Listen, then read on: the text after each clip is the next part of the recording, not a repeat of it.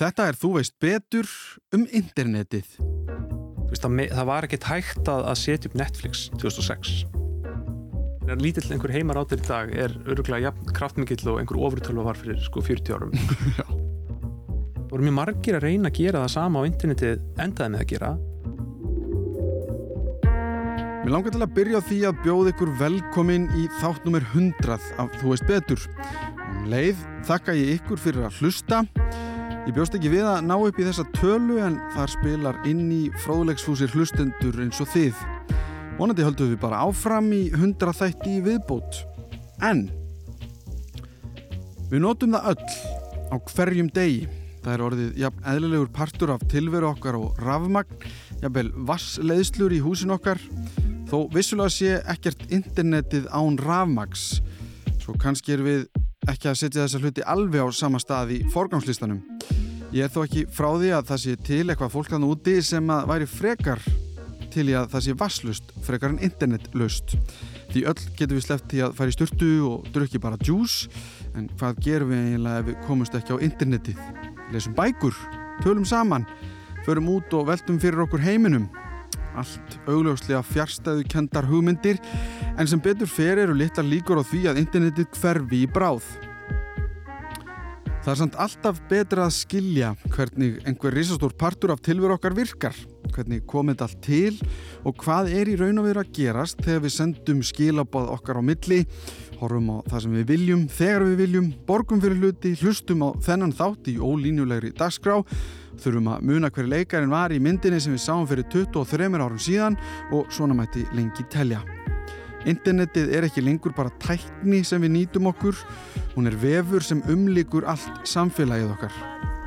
Sem ég meina ekki sem neikvæðan hlut, en það er líklegt að okkur finnist ekki mikið til kongulónar koma sem festist í sínum eigin vef, svo að það er fínt að vita eitthvað um okkar. Til að tala við mig um þetta allt saman er mættur Steinn Eldjátt og áðurum við byrjum á því hvernig internetið var til, heyrum við kynningu frá viðmælandanum sjálfum. Ég heiti Steinn Eldjárn Sigurðarsson og ég er forritari og frumkvöðl. Í dag starfa ég við að byggja upp teknifyrirtækið Grid sem er að búa til tól fyrir þá sem að kunna vel á töflurekna og kannski svona næstu kynnslóð töflurekna á, á netinu. En svona gegnum tíðina hef ég verið uh, hef ég starfað sem forrættari hjá ýmsum stofnunum og fyrirtækjum og aðeins unni við rannsóknir líka. Svona lifa og anda í tölvum á internetinu síðan kannski svona 96 eitthvað svo leiðis tók þarna nokkur ár það sem að var mikið í baróttu fyrir frjálsum og opnum hugbúnaði og svona undarfærin ár hef ég meira verið að fókusa kannski á, á frumkvöðlastarðsemi og, og reyna að gera eitthvað skemmtilegt með tekni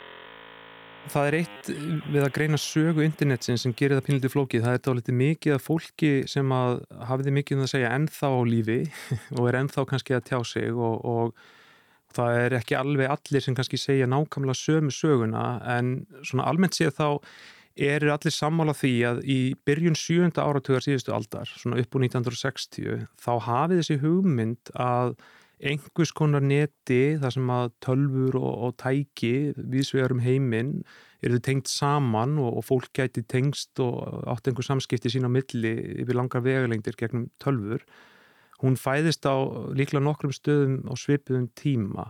Fyrsta reytirindagreinin sem kemur út um þetta kemur út, það var hérna maður í, í MIT, mann og ekki nafnið hans í svipin, ég held að það veri 61 eða 62 sem að fyrsta greinin um svona pakkaskipt net sem er þá svolítið öðruvísi heldur en, heldur en rásaskiptu netin sem kom áður, venjulega símalínur eru svona mm. dæmum það sem verður kallað rásir eða rásaskipt og í kjölfarið á, á, á þessari grein sem kemur út líklega 61 þá fer í gang innan MIT svona rannsóknarvinna og þróunavinna einhver sem að skila sér eitthvað fljótti því að, að sá sem er yfir því verkefni fyrir að vinna hjá DARPA sem er sem sagt eh, amerísk eh, stopnun ég held að þetta standi fyrir Defense Advanced sagt Research Project Agency eitthvað svo leiðis og þar er mikil áhugi fyrir því að setja upp einhvers konar samskiptanett sérstaklega kannski þinn tilgangi að, að eiga svona örug samskipti. Þá menn ég örug að þau þóli árásir á innviði. Mm -hmm. og það sé því kannski mikilvægt að samskipti geti farið fleirin eina leið á milli staða eitthvað svoleiðis. Og það er semst fjármagni veitt í það að, að, að byrja að, að þróa einhverja tækni til þess að eiga svona uh, samskipti við langa vegalengdir með öðrum leiðum en ekki með því að vera með svona dedikerða rásir og ég held að það hafi verið þarna líka á sjönda áratöknum snemma þar sem að mögulega var það vegum darpað sem þeir prófið að tengja saman þá svona stórtölfur eða mainframe tölfur í milli Massachusetts og Kaliforníu gegnum símalínu tengingu og komist þá að þeirri nýðustu að þetta væri, það, það væri mun betra að hafa einhverja aðra leið til þess að eiga þessi samskipti kannski rótin í internetinu sem að gera það svolítið svona frábyrðið öðrum, öðrum samskiptarleiðum sem voru til fram á því er að þetta er eins og við kallaðum pakkaskipt tækni, ekki, ekki rásaskipt. Það sem það þýðir eh, sko í grunninn til er að ef að það þýðir að það er að nota eina línu til þess að, að leifa mjög mörgum mismundi aðilum að eiga samskipti við aðra mjög marga mismundi aðila með því að búta sendingarna niður í einhverja litla pakka sem er svo púslað aftur saman á hínum endanum. Og í upphafi þá gæti öruglega engin, já ég hef ekki lesið þessa greinar svo sem en ég held að enginn sé fyrir sér sko þetta ofbóðslega háa flækjusteg eins og við höfum í dag þar sem það eru oft sko týjir núta sem að gögn ferast í gegnum og allskins reglur og kerfi þegar að einhver tenging dettur niður að endur vísa gögnunum gegnum aðrar varatengingar og fleira og þetta er semst hugmynd sem kviknar á nokkrum stöðum í einu. Það var mm. líka eitthvað verkefni í gangi í Breitlandi sem ég man ekki hvað heitir í svipin og ég held að það hefði verið eitt í viðbót svona öll, allt þarna snemma 70 eitthvað þar sem að þessi hugmynd verist spretta upp á nokkrum mismöndi stöðum það vill svo til að interneti sem við höfum í dag það má rekja svona sínar arfleð beint tilbaka til DARPA verkefnisins mm. Og ég held að það hafi verið síðan á 8. áratöknu 70 eitthvað sem að það er fært yfir í non svona defense hlutan af þessu sem heitir ARPA og bara búið að droppa díðinu mm -hmm. og ARPANET var held í uppala nafni sem var síðan breytt einhverjum árum síðar, mögulega ekki fyrir 80 eitthvað yfir í internet þannig byrjaði internetin að gæsa lappa mm. Þannig er þetta bandaríkina pæli einhvers konar varandi hernað? Eða? Já, sagt, þörfina minnstakosti sem ger, gerir það verkum að, að bandaríska sko varnamálaráðanetið og eða, gegnum DARPA var til í að, að, að borga fyrir þróun, þarna snýrist mikið um það að þeir vildu gera sko stjórnkerfi fyrir urgla kjarnorkuflögar og, og, og væntanlega bara öll samskiptakerfi hersins mm -hmm. svona meira hérna, stöðu, meira róbust þegar við getum þólað árásir á innviði þá þarf að finna leiðir til þess að gera hérna, samskiptin þannig að þau séu ekki háð því að það sé einhver lifandi rás gegnum einhverja séri og einhverjum línum alltaf lifandi mm. Uh, heldur þarf að veintilega þróa leiði til þess að, að, að endur vísa þeim eitthvað áfram eitthvað annað og, og, og nýta innviðina betur. Það er náttúrulega líka þannig þegar þú ert með heila rás á milli tveggja aðila sem að vilja eiga samskipti þá er eðli slíkra kerfa þannig að það getur, sko þó það sé enginn að senda neitt þá má enginn annar senda neitt á sömu rásin á sama tíma. Mm -hmm. og endanum er þetta einhver leiti bara svona hérna, eðlisfræði lögmál. Þú ert með alltaf einhvers konar miðil sem þarf að flytja gögnin. Getur verið, getur verið þráðlusa bylgjur í loftinu eins og með Wi-Fi.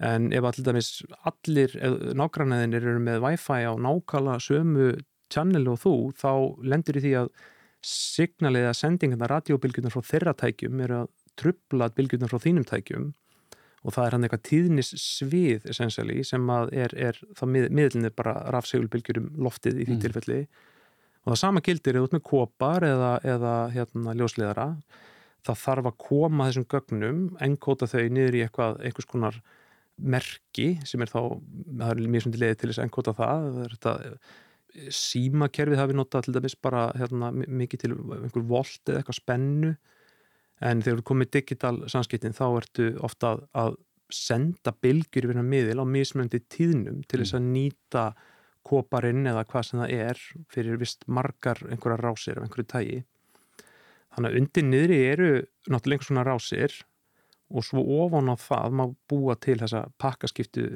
kerfin, það sem að pakkar eru sendir og ein rás getur önnulega verið að þjóna mörgum sko virtual rásum fyrir ofan, Mm. það sem er búið að bróða þetta niður og þegar ég er ekki að segja neitt við þig, þá getur veist, Jói og Anna sem er að tala líka kannski við sömu rásina, þá er pláss fyrir þeirra pakka, Mhm.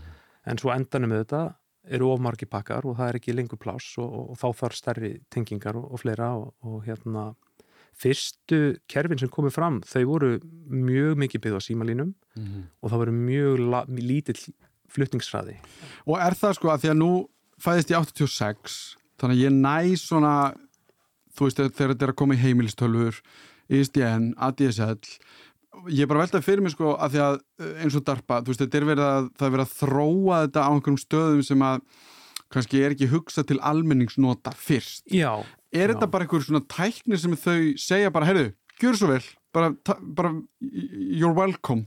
Já, það er hérna að einhverju leiti má örgulega segja að það sé svoliðis uh, eins og ég segi, fyrstu hugmyndin um þetta að koma úr akademíu. Það vil svo til að það er DARPA sem er að fjármagna svona kannski fyrstu útfæslunar þarna í upphafi. En uh, háskólanir og, og, er- og rannsóknarsamfélagið í, í tölvunarfræði kannski fyrst og fremst eh, er augljóslega með mikið áhuga á þessu og ég veit svo sem ekki nákvæmlega hver röðin af ákvörnum sem er leikur á bakvið opnununa og færið yfir í arpa var en það er náttúrulega er löng hefð fyrir því að, að tekniníungar eiga sér kannski fyrst stað fyrir herin, GPS-kerfið er annað, annað Mhm. dæmi um það sem er síðan opnað almenningi og mögulega er þetta hluti af einhverju stefni hjá bandaríkjastjórn að, að, að hal- viðhalda sem sagt, sínu svona industrial advantage að, að, að ef þau eru búin að borga fyrir þróun og tækni fyrir herin að, að, opna þetta og, og reyna að nýta þá þessa fjárfestingu fyrir sko kommersial yðnað Mhm. með tíð og tíma en fyrstu aðræðinni sem komin á Arpanet eru háskólar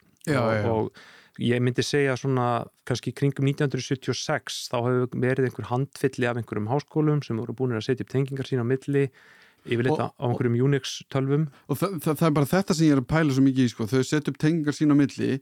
Erum við þá að tala um að það er símasamband hann á milli og það er bara einhvern veginn nýttar þær leiðir sem eru nú þegar til staðar?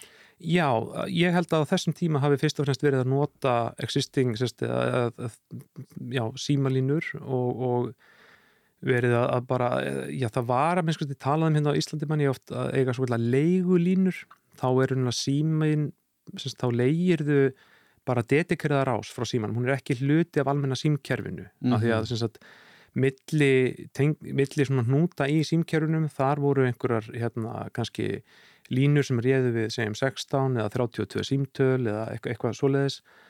Þú gast sko bara fengið að kaupa þér fyrir fast gjald einhvað bara svoleiðis einhverja línu, dedikerða línu sem Mhm. þú myndir aldrei lenda í því að, að það væri bara allar rásir uppteknar, þetta er já, já. frasi sem að hérna, fólk sem er yngre en við mann kannski ekki mikið eftir en þetta, þetta var gatgerst þegar sérstaklega var að ringja til útlanda og eitthvað svoleiðis sem að var bara, e, e, ég veit ekki hvað voru margar rásir í línunum. Og það er enda komið inn á annan, annan hluta að, að internettæknin sem slík uh, er, lagskipt. Þar að segja við tölum oft um IP-tölur já, ég held að við höfum flest Já, kannski, held, um heyrt um þær, já. IP-tala er í grunninn til, það er eins og einhvers konar heimilisfangi, það er einhvers konar staðsetning, það er e, svona adressa, það er e, útlenda Mhm. orðið fyrir þetta. Ef ég vil hafa samband með einhver IP-tölu, þá er til einhver staðal hann heitir Internet Protocol staðal sem segir til um, ég vil senda einhver gögn og þau eru hérna svona löng og ég vil senda þau á þessa IP-tölu og svo var ákveðið að með IP-tölunni væri eitthvað apparat sem heitir port eða, já, ég veit ekki hver íslenska þýðingin því væri, gátt, já, já eitthvað. Sem er eitthvað númer og, og, og hugmyndin með því var að þannig gæti tölvan sem er með þessi epitölu aðgreint á milli mismundi forrita á þessari tölvu. Veist, hver ætlaði síðan að fá þessi gögn sem voru að Mhm. berast mér? Það er hérna, þetta hérna forrit er að hlusta á þessari gátt og kannski er engin að hlusta þá þurft að staðalinn stiður þá að láta vita hei, ég hef ekkert þessu gögn að gera hættu, vissalega hættu að senda mig gögnin já, og í árdaga internetins voru þessar útfærslur á, á, á þessum hluta oft aldrei frumstæðar. Það voru mikið um, um, um öryggisólur í þessu og, og hægt að, að, að trubla netnótkun með að senda einhver svona gögn sem,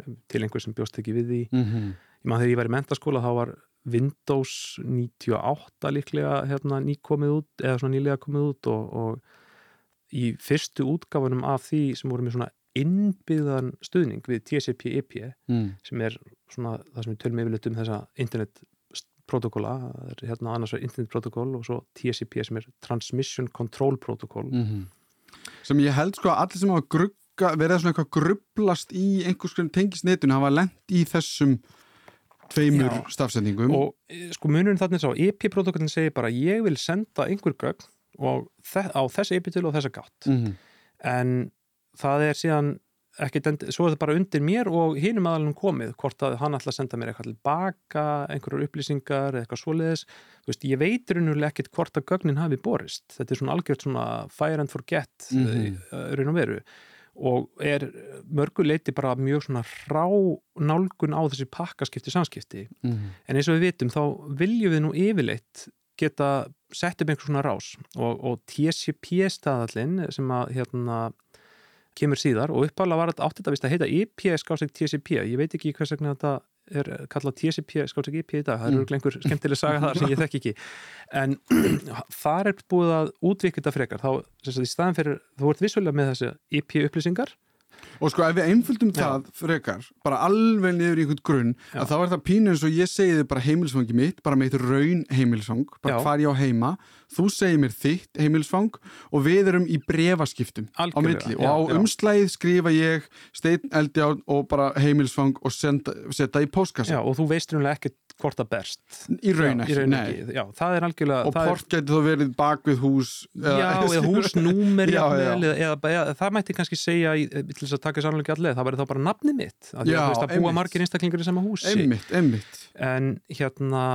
í, svo þegar þú bætir það sem TCP hlutin gerir og eiginlega öll samskipti sem við eigum í dag á netinu eru byggð á TCP, þá er búið ákveða að ég, í staðan fyrir að ég sendi þið bara eitthvað, ég veit ekki neitt Mm. þá byrja ég að senda þér skeiti sem segir hæ, mig langar til þess að búa til tengingu til þín og þú þarft að svara mér, já ég er til í það haltu Mhm. áfram að senda mér og svo er sett raðnúmer á hvern pakka og hver, hvert einasta skipti sem að þú sendir mér bref, svo heldur með alvegina Mhm. þá myndi ég alltaf senda þér strax bref tilbaka og segja ég fekk brefið þitt Mhm. og s- þú ert búin að númera það ég var að fá bref númer 11 þannig að ef þú ert að fara að skrifa bref númer 13 og veist að ég hef ekki fengið bref númer 12 þá getur þú sendt með bref númer 12 aftur ef við erum að eiga hérna í löngu samtali einmitt og það er nákvæmlega það sem TCP protokollin gerir, hann eh, virkar þá þannig að tölvar mín ef hún er að tala við tölvuna þína ef hún fær ekki að vita eftir tildengin tíma að, að, að pakki 12 hafi borist þér mm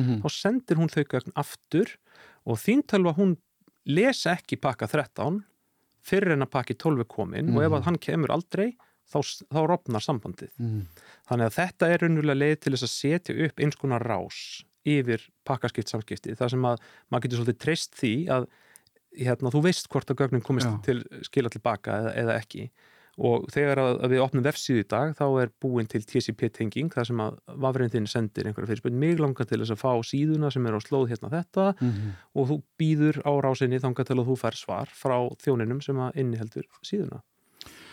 og sko í af því, að af því við erum nú orðin það gamlega við getum talað um í eða þegar við vorum að alastu upp á upplifa ESDN og ADSL tengingar sem eru held ég, nei það er 56k modem Kemur undan já, já, en já, og 20 eða var það 28, það, fyrstu mótuminnur held ég, já, sem ég man eftir svona einhver útbreysla á Íslandi voru nú 14.400 bát ok, já, og svo koma 28.800 Já. og, og þrjá, ná, var þrjá, 30 eitthvað 33.600 svo kom 56 kilobita mótuminn og, og það var þá vorum við mitt komin aftur í einhvað miðilinn mótöldin sem slík Já. þau voru að taka sér gögn þau voru að, þá menn ég allir þessi digital pakkagögn sem Mhm. interneti byggir á og þau voru að senda þau yfir, yfir símalínur unnurlega á, á sömu tíðnum og sko símtólið sem þú tókst upp sem tengt línunni gætt Mhm. líka verið á þess vegna ef einhver tóku upp síman í gamla daga þá, þá rofnaði tengingin af því að bara það að ja, mögulega ég vil bara he- heyra einhver sko umhverjusljóð, smá statik það trublaði þess að encoding á gögnunum sem Mhm. var raunulega bara að vera encodað nýri sko hljóð og það sem E ISDN línundar eru, þær eru raunulega hérna, það er digital kerfi mm -hmm. þá er hægt að fá talsvett hérna, betri hraða í gegnum það en það voru nú einhverja takmarkanir ég held að þú férst 64 kilobíta gegnum Mhm. eina línu, Mhm. það voru til mótöld sem þessi réði við tvær slíkar ég, er, ég veit, ég verða viðkynna ég veit að sko signaling, eða sagt eins og sá hluti sím, símkerið sem sjá um að setja upp símtalið, þú veist, segja ég vil núna ná sambandið þangað, Já. var hún alveg digital í ISDN ég veit ekki nákvæmlega með þú veist, hljóðgögnin sem slík eða Já. þú veist, hvernig hljóðið var flutt og, og, en að því að var maður komið með, sko að því nú er ég bara svona ég er í svona walk down hérna, history lane, eða mentu- mem memory lane sko, Já. að því að ég man eftir mótimónum sem komu, að því að ef við erum í, ennþá í sögunni já, já, að, að þá verður þetta fyrir almenningsnótkun og það eru símafyrirtækin sem taka á móti svo er það ekki í öllum, eða svona flestum tilvikum Jú, það fyrsta netþjónastan á Íslandi var nú, var held ég e, lítið engafélag sem hétt Miðheimar, Mhm. centrum.is ég veit ekki hvað þú mannst þetta því Jú, eftir því. það, þau, voru, þau voru held ég fyrst til þess að, að opna internetþjónastu í Íslandi og eru þá að nota bara símalínur eru þá með einhvers konar rekka fullan af mótöldum sem geta tekið við símtölum og, og er það þá sko að því ég man eftir bara eins og öll sem hafa upplifað að vera á internetu þessum tíma bara þessi, þetta er hann uppringi já, sem er klassískur já, bara þetta ískur, deng, deng, svona Já. ég er bara að reyna að muna sko hvort að það hafi horfið þegar E ESDN og ADSL tengingar komu. Já, það gerir það. Og er það af því að þá var komin einhver sér eitthvað já, sko, ég myndi segja þá kannu að nota síman á sama tíma eða eitthvað Já, Ég man það ekki, sko, ég ég bara þú gast nota síman með ADSL á sama tíma Já. og, og ADSL-teknin þá er unnurlega hérna, þessi svona hérna, enkóðun á gögnunum orðin alveg digital Mhm. og það er búið að finna leið til þess að þess nota einmitt tíðnisvið sem við heyrum ekki á kóparnum og enkóta þetta með einhverjum svona frekar hérna góðum svona efficient hætti svo ég sletti hérna aðeins. Mhm. skilvirkum. skilvirkum þakkaði fyrir. Og, og, og hérna uh, ef að þú varst með svo kallar smásíu mannst þetta því? Já, ég man þetta nafnin, ég man það samt ekki alveg. Það var svona lítið boks sem þú þurftir að setja milli símansnins og línunar og það sem hún rétt. gerði var, hún bara kom í vekk fyrir þetta vandamál sem ég var að lýsa áðan með að þú tókst upp símtólu og þessuna umhverfisljóð myndu uh, Rjúfa- búa til merki á Mm. þessum hlutaða tíðinsviðsin sem að myndi trubla hérna tenginguna þá, með, þessu, þá gast þú talaði síman og þau samskiptir að eiga sér stað á annari bylgjulengt en þetta er alltaf sama kóparnum og þannig var þessum samskiptum haldið sko aðskildum með ISDN-ið ég er ekki alveg viss hvort að mér, finnst ólíklegt að þú hefur getað talaði síman á sama tíma Mhm. og þú varst að nota ISDN-inu ég held nefnilega að, að, að rásinn sem slík hafi verið notuð alveg að fullu fyrir samskiptin. En, en ADSL var alltaf gríðarlega bylting þegar, þegar það kemur. Og hérna og bara svona að því mér langar til að staldra hans þar við að því ég held að við nú síðan tala um, um það aftur og eftir. Bara að því þú ert að tala um flutningsgetuna. Já, og ég held að fólk kannist við eitthvað sem heitir megabyte já, eða, þú veist, eða gigabyte eða núna í dag terabyte skilur Já, við, já, tölum bara um já, þú veist, bæti, já. já, megabyte í dag er náttúrulega bara eitthvað, þú veist, eins og einhver já, eða já, eitthvað, já, já, en þú veist, MB með litlu bíi minnur já, í þessu samhengi. megabitarnir, já, já, er eitthvað annað sem held ég talar meira til um hvað línan getur já við, við tölum ennþá í dag sko í, í, í, í þegar við tölum um gagna flutningskiti, þá tölum við ennþá myndi bitum Mhm. og bitarnir eru þá bara 1 og 0 meðan að bætið er, eru 8 bitar Mhm. saman Mhm. og það vil svo til að það er sagt með 8 bitum getur við táknað 2 í 8. veldi mismunandi tákn þegar Mhm. þess það er hérna fjöldi talna sem að hérna það var ákveðið sem svona eh, einhverjum tímpúti sem bara þægileg stærð Mhm. fyrir hérna til þess að tákn fyrir tákn raunverulega fyrst og fremst held ég og þannig að gögn eru alltaf hérna lesin inn yfirleitt í einhvers konar bætum þegar þú ert að vinna með þau, mm. -hmm. eitt stafur yfirleitt táknar af einu, einu bæti það eru undantekningar á því en, Mm. og það er að fara út í smátrið en, en meðan að Ég, ég veit svo ekki hvers vegna að við höfum ekki mikið talað um þessi bæti þegar kemur að, að, að gagnaflutningsgetunni heldur hefur Mhm. bara einhvern veginn verið alltaf talað um bitana Mhm. og Ég bara velti fyrir mig sko að því ég fekk símringu frá símafyrirtæki bara um daginn sem var að reyna sko að ná mér til sín með sko lofórðum um 2000 megabit já, á sekundu og ég hef garfað í þessu það mikið að ég hugsaði ok, þú ert að tvöfalda það sem að þau sem ég er hjá núna er að segjast geta gefið mér. Já, það er bara þessi megabit eru held ég oft aldrei að skólast til í haustmámanni þegar maður er ekkert að pæla í þessu.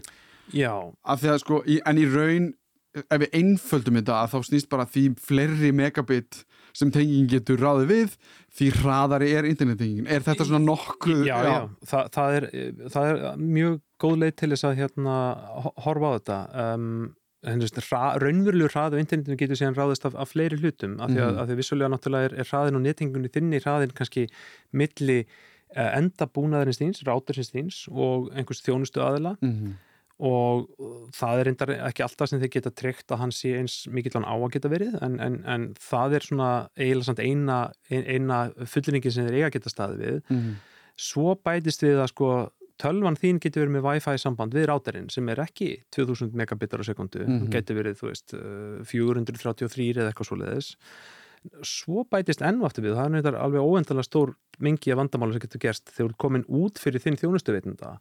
Þá er þetta að díla við hvernig er, hversu stóri tengingin millir Íslands og umheimsins og hvað eru margir mm. aðrir að nota hana og þú rekst á marga hnúta, ég meina þú ætlar að opna vefsi í bandaríkjunum, þá er ekkit ólíkt að þú sést að, að, að pakkarniðinir fari yfir kannski 10, jafnvel 15 mismunandi svona tengingar mill einhverja þjónustöðala á leiðinni. Mm -hmm.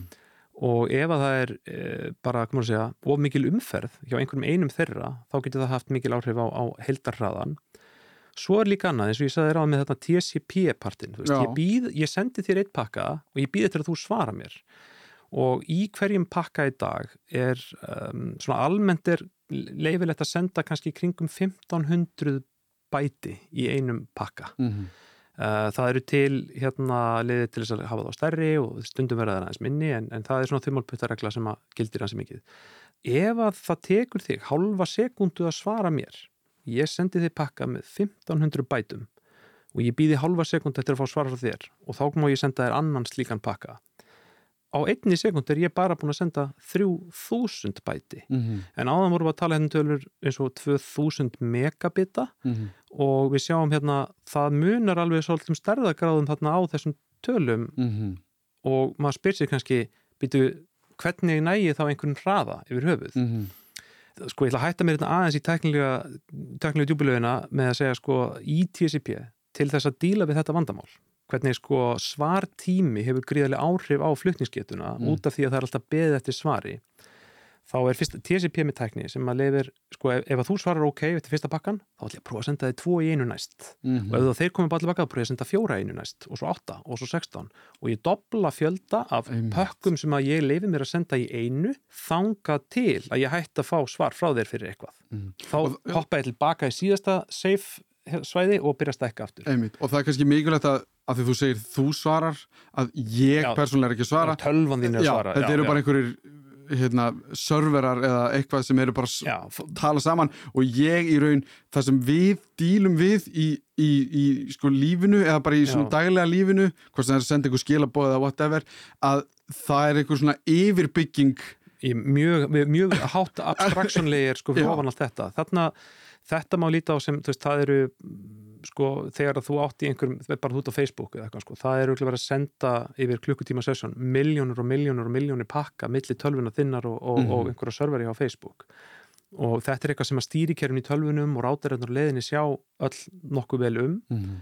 þú þarf ekki að hafa með klákjösu en ef þú hefur einhvern tíman upplifað það að byrja að downloada einhverju, sem til dæmis eitt sem ég gerir ofta er að kaupa með leiki á Playstation mm -hmm. og maður tekur á þetta því hvernig sko það er svolítið hægvirt í byrjun og svo ekstraðin það er af því að þetta þarna ferli sem ég var að lýsa á þann að senda eitt pakka og svo tvo og svo fjóra og svo åtta það er að, að stilla sig af til þess að finna raunulega hámars fjölda gagna, gagnapakka sem mega vera í loftinu mill okkar á hverjum tíma og þetta er stöðugt að stilla sig af. En þetta er hins vegar eitthvað sem er að mörguleiti útvært í stýrikjörnu þínu og í sko tölfunni þinni af því það er enginn nema hún sem getur ákveðið hvað hún ætlar að senda marga pakka í einu og hérna komum við aftur tilbaka þegar ég sagði 98 hérna þegar, eða eitthvað svoleiðis 98.9, Windows 98 verið í gangi og var með svolítið lélega TCP stillingu það var hægt að, að krasja Windows mjög illa með að senda bara einhvern svona pakka. Hæ, ég er hérna pakki 4120 af 9550 og svona stilla af einhverju svona parametra sem mm. að letu kerfið halda. Það væri fleiri að fara að koma eða hefðu átt að komið, komið og þá voru böggar í út, útfæslinni og bara blár skjár. Já, þetta hérna um, fólk var, enn, já, fólk var alltaf átt að, segja, að reyna að finna út úr þessu bara Já, Já. ég meina og, og, og, og, þessi virkni, TCBP virknin og, og stuðningur við þessa staðla er, er ekki það gamall, við erum að tala um þetta svona, já, 25-6 ára gamall í, í, í tölvum. mm -hmm. Ég man eftir í fyrsta skipti sem ég fór á internetið, þá var það gert með sérstöku forriti sem að tala beinti mótaldið og það ringdi sig inn í, í einhvers konar Unix stórtölvu sem var hjá Ísment Mhm. þetta var gegnum, hérna, gegnum grunnskólan það var indislegur kennari hérna í skólanum, eðlisvæði kennarin Valdimar sem að, að var með svona tölvunámskeið fyrir áhuga sama krakka og ég var svo heppin að, prófa þetta, Mhm. hafði fengið að prófa mitt að fara á neti vinnunni hjá pappa stutt áður og fannst þetta mjög spennandi og þá var þetta svona bara allt í textaham, þú varst bara í þessu forriti, það ringdi sig inn og, Mhm. og það setti upp bara, þú varst bara tengdur eins og verið í svona útstöð. Í gamla daga, þá voru nefnilega svona, þá voru ekki til einminningstölfur heldur byrjaði þetta allt sem einhverja stórtölfur og svona útstöðvar. Og spólum svona aftur tilbaka í virkilega árdaga internetsins. Þá var hann alltaf bara verið að tengja saman stórtölfur milli háskóla og svona. Svo var Mhm. fólk í sínum útstöðum og ef þú varst tengdur í þessa stórtölvu þá gæti kannski verið að það væri búið að setja upp einhverja tengingu og geti líka afrita skrá til einhvers sem er að vinna með þeir í öðrum háskóla einhvers staðar Mhm.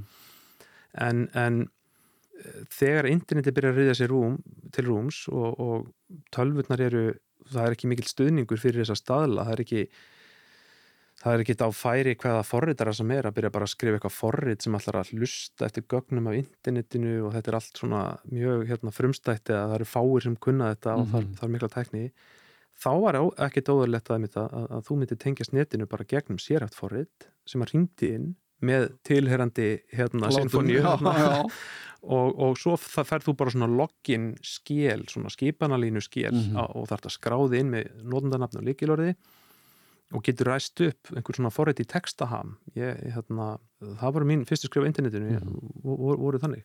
Að þú er þreymur árum undan mér sko. Já, já, ég kem, já, ég kem aðeins inn og þá er einhvern veginn aðeins komið svona uh, það er náttúrulega eitthvað, smá grafist já, sko, já, eins og er svona GUI eða þú veist hérna Netscape. Já, og- og bara eitthvað svona vafrar eitthvað svona mjög frumstæðir vafrar kannski, ég held, virkið og eitthvað Já, yrkið, já, meina, ég var á yrkinu gegnum nákvæmlega þetta viðmót, þessi Mhm. skipti, gegnum svona textahams yrkforrið, sko, Mhm. en ef maður, ef maður horfir aftur aðeins lengra tilbaka, því að interneti sem slíkt, sko, er bara eitt af mörgum kerfum sem er svolítið að keppa um að, að maður tengja fólk saman. Það voru alls konar gagna tengingakerfi til, sérstaklega nýjunda áratögnum. Mhm. Það var mjög, hérna, það var mikill frumskóur. Það voru mjög margir að reyna að gera það sama á interneti endaði með að gera.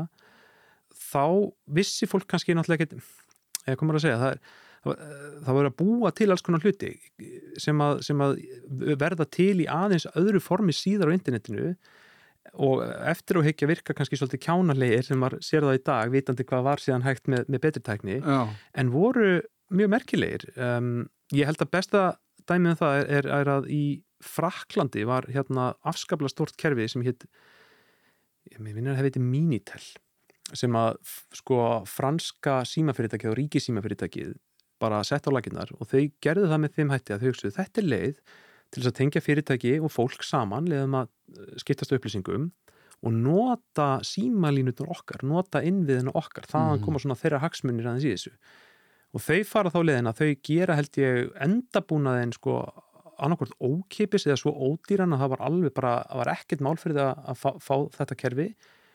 Og svo voru þeir með miðlega þjóna sem þú gast tengst inn og þar voru spjallborð af alls konar tægi forver, mm -hmm. undan yrkinu og þú bara kannski borgaði fyrir gagnamagn. Já, þú ert þá bara fyrst og fremst að borga fyrir bara tíman sem þú nota símalínuðin og það var svona hérna, faktorinn sem, a, sem að þau voru að, að spila á.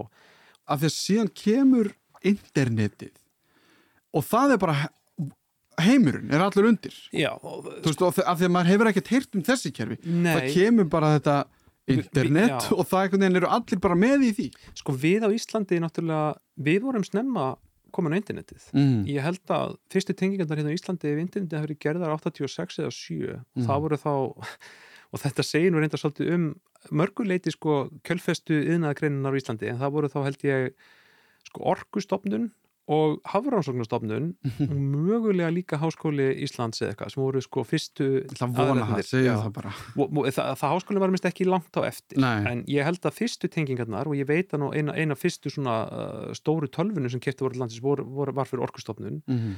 og, og hérna enda, enda var þar náttúrulega mikil þörf á, á rannsóknum og útreikningum og við, meina, við vorum hérna þetta var, þetta var svona einhver leiti smá, ég ætla ekki að kalla þetta eitthvað gullgrafara æði en við vorum að uppgöta tækifærin sem fælist í því að kortleggja hérna auðlindir landsins í, Mhm. í vatni og, Já, og þess aftar og, og, og, þá, er, þá er hægt að eða peningum í að kaupa græjur og búnað og, og, og uh, við, ég veit ekki til þess að Mm. hérna á Íslandi hafi verið neitt hérna líkt þessu Minitel eða þessum BBS-kerfum starfrækt þannig að við, við fórum bara misnum svolítið af þessu en ef maður hitti fólk sko á, á, á mínum aldur og aðeins eldra frá til dæmis Fraklandi þar sem þetta var mjög stórt Mhm. og, og liðið dál- dálítið lengi þau, þau voru með sko greiðslulausnir inn í Minitel, þú gast kift vörur gegnum þetta á örugan máta Og er það bara, er ástæðan fyrir því að internetið, segja slæri gegn eða eitthvað, er það bara framkvæmdin á því? Er þetta bara besta lausnin til þess að gera þessa hluti?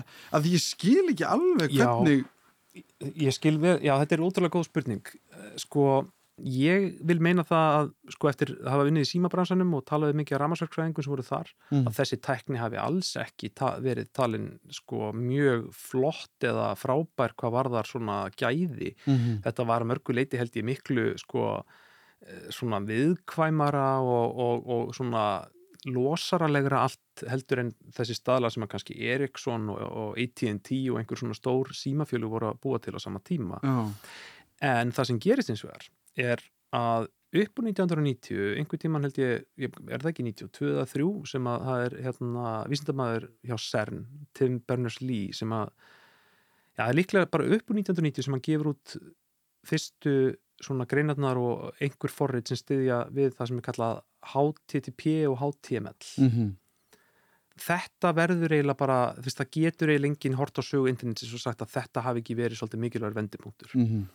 af því að þarna er maður komið með tækni sem að leifir fólki að búa til einhvers konar grafískar framsetningar á gögnum á frekar aðgengilega máta og tengja því við önnur gögn. Þannig að hann, raunulega hannar þarna þetta konceptum að ég get búið til tengil, kalla hyperlink en við bara þekkjum þetta sem svona bláan texta yfir já, línu undir. líkur bara einhver Linkur.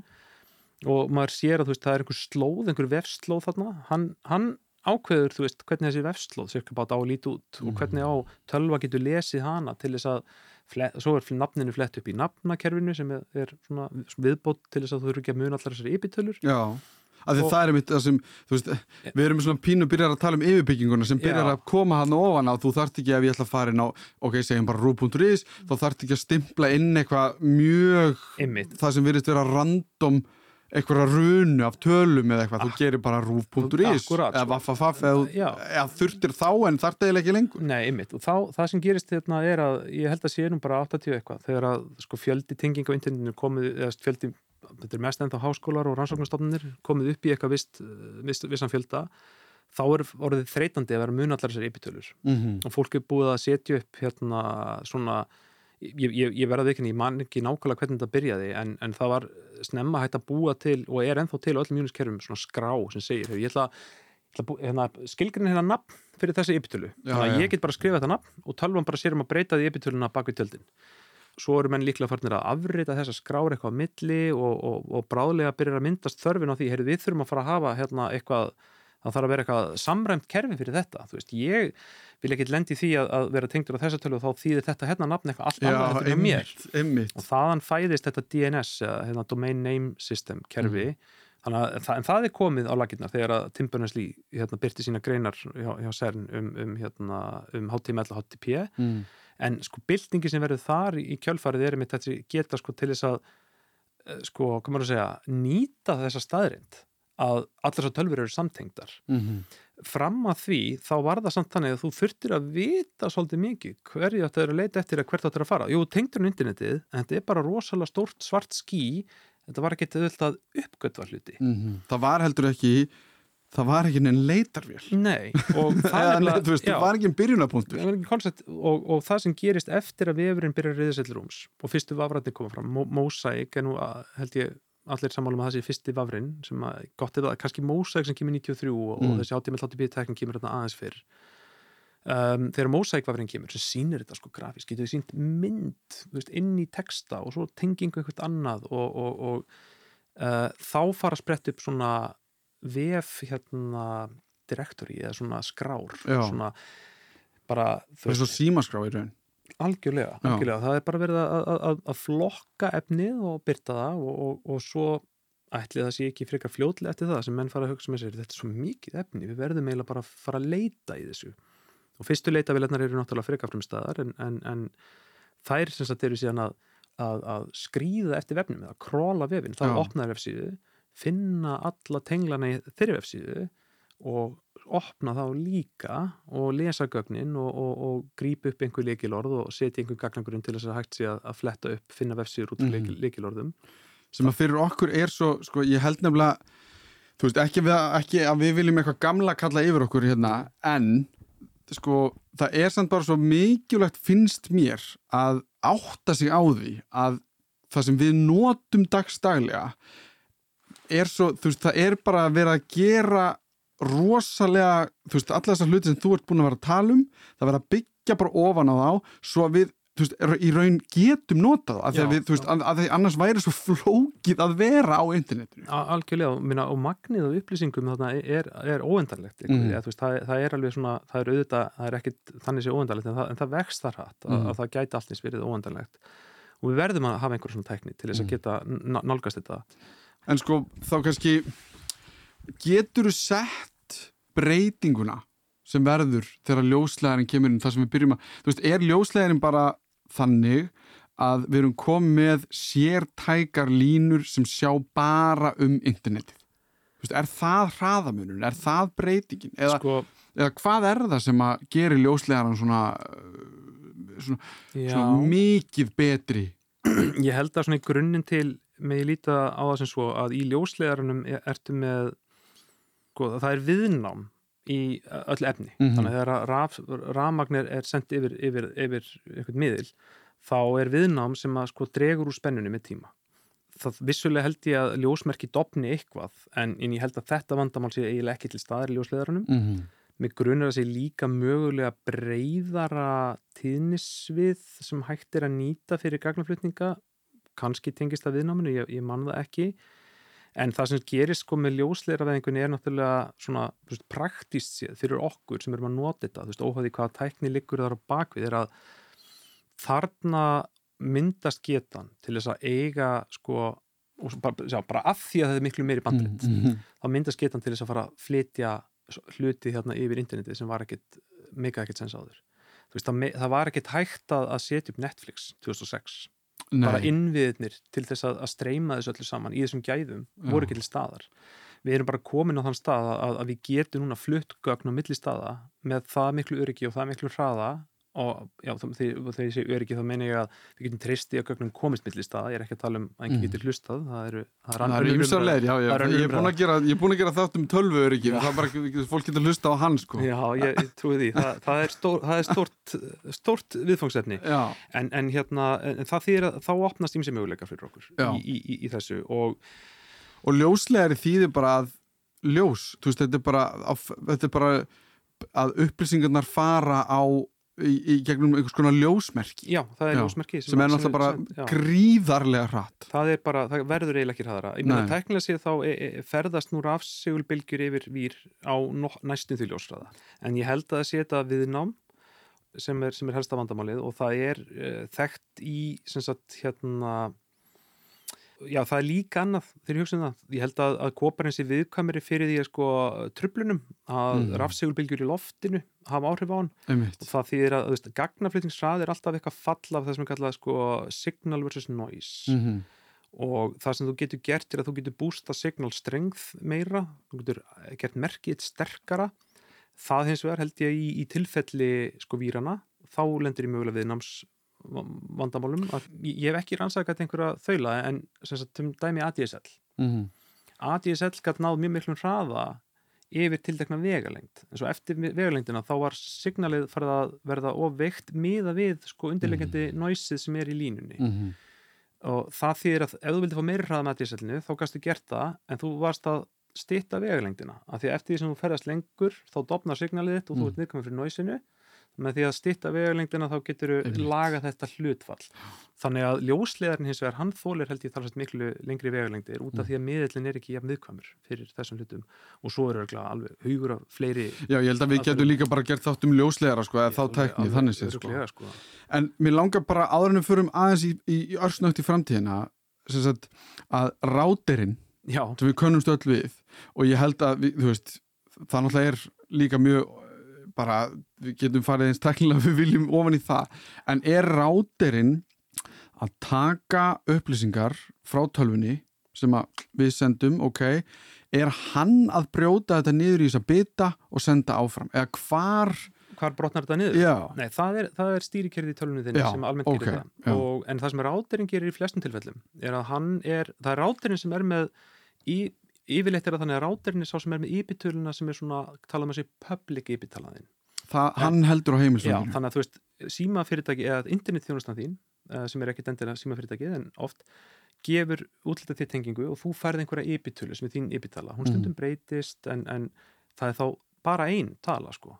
En þú er kannski með tíu tölfur á bakvið og við tölum um þetta aðan, með ybitölu og port eða einhverja gátt, hvernig í ósköpunum ef það eru tíu tölfur hérna og þeim eru hundra forrið hver öll að hlusta þú sér það, hérna eru of margir viðtakendur til þess að þú veist bara ypitala og gátt geti dugað eiginlega, Mm. nema þá rátir en verið einhvern veginn að passa, heyrðu, þú mátt núna nota þessa gátt og hérna, þú mátt núna nota þessa gátt mm -hmm. þannig að hérna það hefði verið hægt að hann einhverja þannig tækni það var ekki gert. Það sem er gert er að rátirinn gefur öllum tölvunum og tækjunum, símunum og öllu sem eru á Wi-Fi-inu þínu, heimahöður svo kallar lokal IP-tölur það er nokkur í svona litlir bútar af þessum IP svona bilum eða rangeum sem Mm. eru frátekinn 192.168 er eitthvað sem fólk já. og 10.0.0 og svona, þetta eru tvö algeng svona heimanet sem að bara samkvæmt skilgringu internetsins, þessar tölur eru ekki notaðar eða aðgengilegar úti á internetinu, það eru bara fráteknar fyrir heimanet og fyrirtækjanet til að nota Mhm. En það sem ráðurinn þinn gerir þá er að þegar að þín tölva tengist út hluta af þessu ferðlega sem hann er að þín tölva getur eiginlega ekkert hlustað eftir tengingum að fyrrabræði sko, mm. heldur, þú veist, að því alla tengingar sem kom inn það er stoppa bara í ráðurniðinum nema hann viti að tölvaðin sé að hlusta. Já, en um leið að þú tengist út til, til dæmis til Facebook eða, eða Twitter eða eitthvað þá tekur ráturinn við tengingunni og hann, að þetta er eina mínum hann endur skrifar pakkan hann skrifar í staðin fyrir kannski 1.2.1.8.0.20 Mm. sem er talan á tölvunni þinni skrifar sína ebitölu í staðin og þegar að pakkarnir koma þá er hann með svona töflu þegar svari berst tilbaka já, ég er alveg rétt, ég er með tengingu fyrir hann hérna alla mm. og ég ætla að breyta aftur destination tölunni úr minni yfir í hans og senda þetta áfram á tölunni hans svo tölunni hans er til að taka við þessu. Þannig að hann er svona að vinni í því að endurskrifa alla pakkana, það er svolítið svona eins og rátirinn sé svona sá sem tekur við öllum postinum og hann, hann veit raunlega hvar allir eiga heima og hvar allir búa og eitthvað svoleiðis og, fer og, og sér Þannig að ef við, ef við reynum að taka líkinguna fullan ring þá er þetta eins og blokk sem er með eitt heimilsfang já, bara, efstaleiti eitt en síðan er einhver í andirinu já, sem er að segja, herru, þetta er 2B, AB du, du, du, en alltaf frá öllu út, á, út frá já, þá er þessi eini aðili þú veist, hann sér um já, einmitt. Þú, þú þarna úti þarft ekki að vita mína þetta Svo- 2B, A, A, C Já, eitthvað þetta svona er svona. svolítið eins og sko að, að innan að blokkarinnar inn, nei, nei, innan blokkarinnar það er fólk með eitthvað svona heimilisfangakerfi mm sem að engin annar getur skilið. Einmitt, já, kannski, til þess að bara taka þetta allir þá væri bara það, þannig að þú veist þegar þú ert að senda postiðin, þú ert svo vittlaus ef við ætlum að taka þetta svona já, já. þú bara veist ekki þitt eigið heimilisfang. Þú veist bara, ég er í íbúð 101 eða eitthvað. Já. og pósturinn fær tilbaka bref uh, já, ok, það er hérna frá íbúð 101 en hvaða íbúð 101 en þá þarf sko póstmistarinn í blokkinni Mhm. að vera búin að taka þetta og hann, að íbúð 101 Heyrðu, ég ætla að breyta þessu, þetta er svona setja þetta rétt að heimilisfangið og svo setja ég hérna í töflu hérna hjá mér, ég veit að allir á von á svarbrifi Mhm. frá þessum hérna og þegar það kemur þá, þú veist, teki af heimilisfangið mitt á blokkinni og set íbúð 101 fyrir hann og legg, eðst, þetta er svona nokkur neginn þannig Já, sem er náttúrulega bara mjög að þetta er náttúrulega að sko, við að lýsa þessu tekur alveg einhver tíma en þetta er að gerast bara brrr, þetta er að gerast bara á ljósa ekki ljósa, ok, allavega ég er búin að gera svo marga þætt um geimin og allt þetta ég var, var um mig varandi ljósa en þetta er að gerast gigantíst hratt. Þetta er að gerast mjög Já. þetta er að gerast alveg óbáslega hratt. Og rátirarnir eru orðnir, minna, lítill einhver heimarátir í dag er öruglega jafn kraftmikill og einhver ofurtölva var fyrir sko 40 árum. Alveg ef ekki kraft meiri, minna símjöfnir okkar í dag eru bara, hérna, bara undur veraldar sko. Mhm. En ef við pælum bara smá í framtíðinni, þú veist, við erum með internetið og þessir hluti sem við erum búin að tala um, þú veist, í huga mér þá hugsa ég, ok, ég veit ekki alveg hvernig við, hvernig þeir breytast, Já. skilur, þetta er kannski hegðun okkar varandi internetið eða eitthvað, en er einhvern veginn, hvað, að, hvað er að fara að gerast? já, sko það er náttúrulega internetið er orðið náttúrulega mjög samofið mjög margri annari tækni. Og það er lítið af tækni í dag sem er ekki einhvern veginn að, að, að leveragea internetið eitt af því sem hefur gerst undanfættum árum er að tæki eins og bara bílar eða þú veist ískápar eða þottavilar, bílar eru gott dæmi margir eiga ramaspíl Mhm. og, og, og, og geta stýrt honum úr símanum sínum gegnum internetið þetta, þetta er nýjung, þetta er eitthvað sem við erum eftir að sjá mei, meira af næsta útgafa af internetprotokollum, útgafa 6 sem hefur verið mjög lengi í svona innleðingu hún er komin í loftið að hluta til og það er talsveit að tækjum og tölvum Mhm. að nota það tengingar í dag en heimilisfanga kerfi þar er það stórt að það væri hægt að sko liggu við sko gefa hverju einasta sandkort niður og jörðinni sína í einn ypitölu í því kerfi. Þannig að þá til dæmis þetta og sem ég var að segja með rátirinn hann sé að endur skrifa pakkana það gæti horfið, það gæti reynst ónöðsynlegt en hvað þýðir það, þú veist, fyrir venjulega mannesku mm Í meiri hraði, er, er það ekki það sem við erum alltaf að leitast eftir, meiri hraði, Já, og kannski sko, þá sleppum við eitt flækjustík, þá þarf ráturinn ekki að vera að gera þessa hluti á milli. Já, menna, það gæti verið, það gæti verið að rátirar einfaldist það gæti þýtt meiri hraða, já, við, við fáum öruglega meiri hraða það er, það er alltaf verið að búa, já, öryggi geti verið stórt vandamál allt í Mm. nú ertu með, hvernig ætlar að filtera þessa umferð, hvernig ætlar að, að, að passa þessi tæki sem að hafa bara út af því að það var ekki pláss fyrir þau á internetinu voru ekki aðgengileg, verða Mm. allt í nú kannski aðgengileg í dag, menn það er, það er risastór á, áskorun veist, hvað á internetið eftir að gera ennþá betur, ég meina við erum held ég bara að færa allt sem við getum yfir á internetið smátt og smátt. Ég meina þegar COVID kom hversu mörg fyrirtæki bara fluttu sér bara yfir í fjarfundakerfi. Uh, ég meina í dag þú veist við notum ég veit eiginlega varla um einn einasta geira. Þar sem internetið kemur ekki einhvern veginn við sögu í, í daglegum rekstri viðskiptum, tengingum við einhver kerfi Meina, ég, meina, ég man eftir því þegar að fólki fannst fárónlega tilhjóðsinn að fara að kaupa eitthvað á internetinu og slá inn kreditkortanúmerið sitt. Ég held að ég ger þetta næstu því sko tvisa, þrjusar á dag í dag. Eitt af því sem við gætum nú mögulega séð er einhver svona bak við tjöldin einföldun á einhverjum netum og kerfum að við byrjum að, ég, ég veit að sko innviðnir í internetinu þessar stóru tengingar millir landa og þess aftar sem eru allar hugsað frá upphafi til þess að þú veist, er að hleypa hvernig sem er inn á þetta Mm. að þetta var ekki eitthvað eitt fyrirtæki sem átti þetta, þetta var svona einhver súpa af einhverjum stöðlum og alls konar eh, fyrirtæki sem kom að smíða þetta og keiri þetta áfram svolítið svona kaotíst Vi, við getum séð fyrir okkur að, að sífælt stærri hluti af einhverjum samskiptum sem fari ekki, ekki staðið við intendið, fari í gegnum það í dag Mm -hmm. en svo eru aðri hlutir eins og Starlink þú veist, þú er hértum það Já, já, hans Ílóns. Það er ótrúlega merkilegt fyrirbæri en á sama tíma, ef þú átt samskipti gegnum Starlink, þá er alltaf eitt tiltekki fyrirtæki sem að sko öll þessi samskipti fari gegnum Mm -hmm. og það er alveg raunverulega í taktu margt annað, það hefur orðið tiltekki samþjöppun á internetinu, við erum komið með nokkra rísa sem að ráða gríðarlega miklu um hvernig internetið raunverulega virkar Eh, Minna, Google og, og, og Amazon og Microsoft einhver, kannski mest Google svo sem með, með Chrome brásernum og, Mhm. og þess aftar og ég, þú veist, það, það er svolítið erfitt átt að sjá því hvað, hvað mun gerist í kjölfarið mér finnst eins og internetið sé orðið bara svona þetta er bara eins og rafmagnið, það hugsaði enginn hvað, hvað er næst fyrir rafmagn það er bara, þú veist, það, bara, það þarf allt rafmagn Já. Hér slökkum við á tengingunni og fetum okkur aftur í átt að raunheimum. Internetið er ekki bóla sem sprakk heldur grundvallar atrið í líf okkar sem fæst okkar geta verið án. Það er kannski ekkert svo slæmt en mögulega var það svona sem frum manninum leið þegar hann sá eld í fyrsta skipti. Brendi sér nokkur sinnum áður en hann áttaði sig á því hvernig væri best að nota hann. Ég vil þakka Steini Eldjárn fyrir komuna og fyrir alla sína vitnesku. Ég heiti Allimár Steinarsson og þakka fyrir mig. Minni á posti minn allimar.ruf.is fyrir allar ábendingar um efni eða spurningar. Þetta var Þú veist betur um internetið. Heyrumst í næsta þætti.